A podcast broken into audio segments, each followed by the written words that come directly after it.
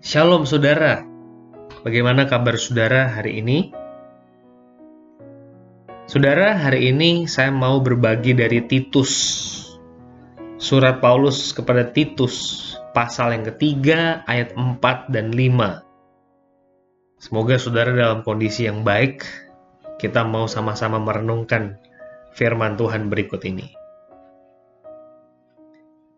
Tetapi ketika nyata kemurahan Allah, Juru Selamat kita, dan kasihnya kepada manusia, pada waktu itu dia telah menyelamatkan kita, bukan karena perbuatan baik yang telah kita lakukan, tapi karena rahmatnya, oleh permandian kelahiran kembali, dan oleh pembaharuan yang dikerjakan oleh roh kudus. Saudara perhatikan dia telah menyelamatkan kita bukan karena perbuatan baik yang telah kita lakukan, tapi karena rahmatnya. Bapak Ibu Saudara, bagaimana kesan Anda membaca ayat ini?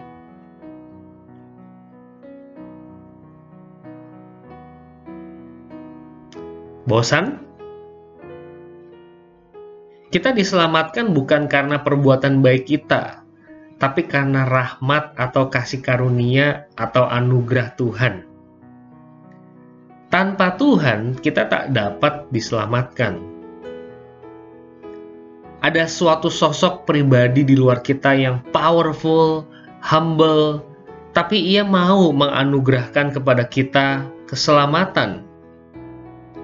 Yesus Kristus turun ke dalam dunia taat pada Bapaknya sampai mati di kayu salib apa perenungan saudara terhadap hal ini?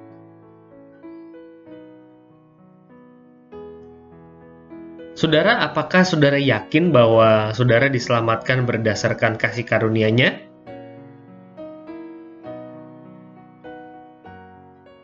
Hidup kita sebagai orang Kristen sering kali semata-mata hanya religius, tidak spiritual.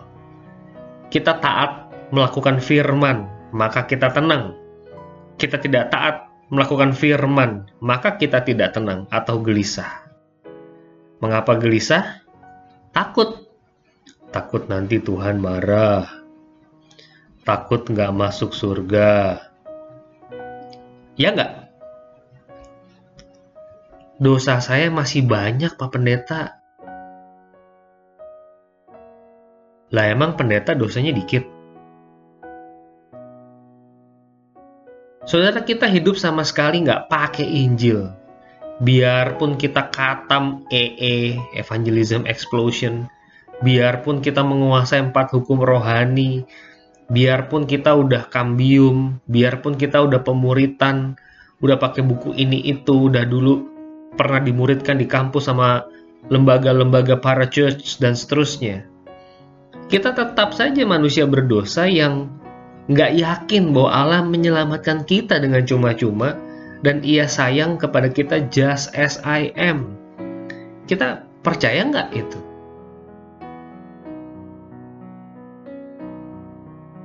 Kita berusaha menemukan nilai diri kita di dalam ritual. Kalau kita doa saat teduh, kita tenang, kita rasanya rohani gitu.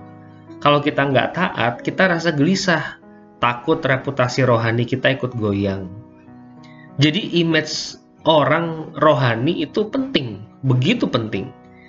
Kita menaruh kepercayaan diri kita pada ritual-ritual Kristen. Padahal Injil nggak kayak gitu. Yesus sayang sama kita apa adanya. Kita yakin apa enggak?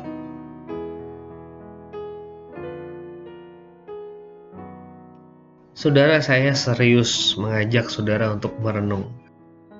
Mari berita Injil hari ini kita peluk. Setiap hari saudara, Anda dan saya itu bukan hidup pakai perbuatan. Berbuat baik, capek-capek, kerja keras, kudus kita kejar terus.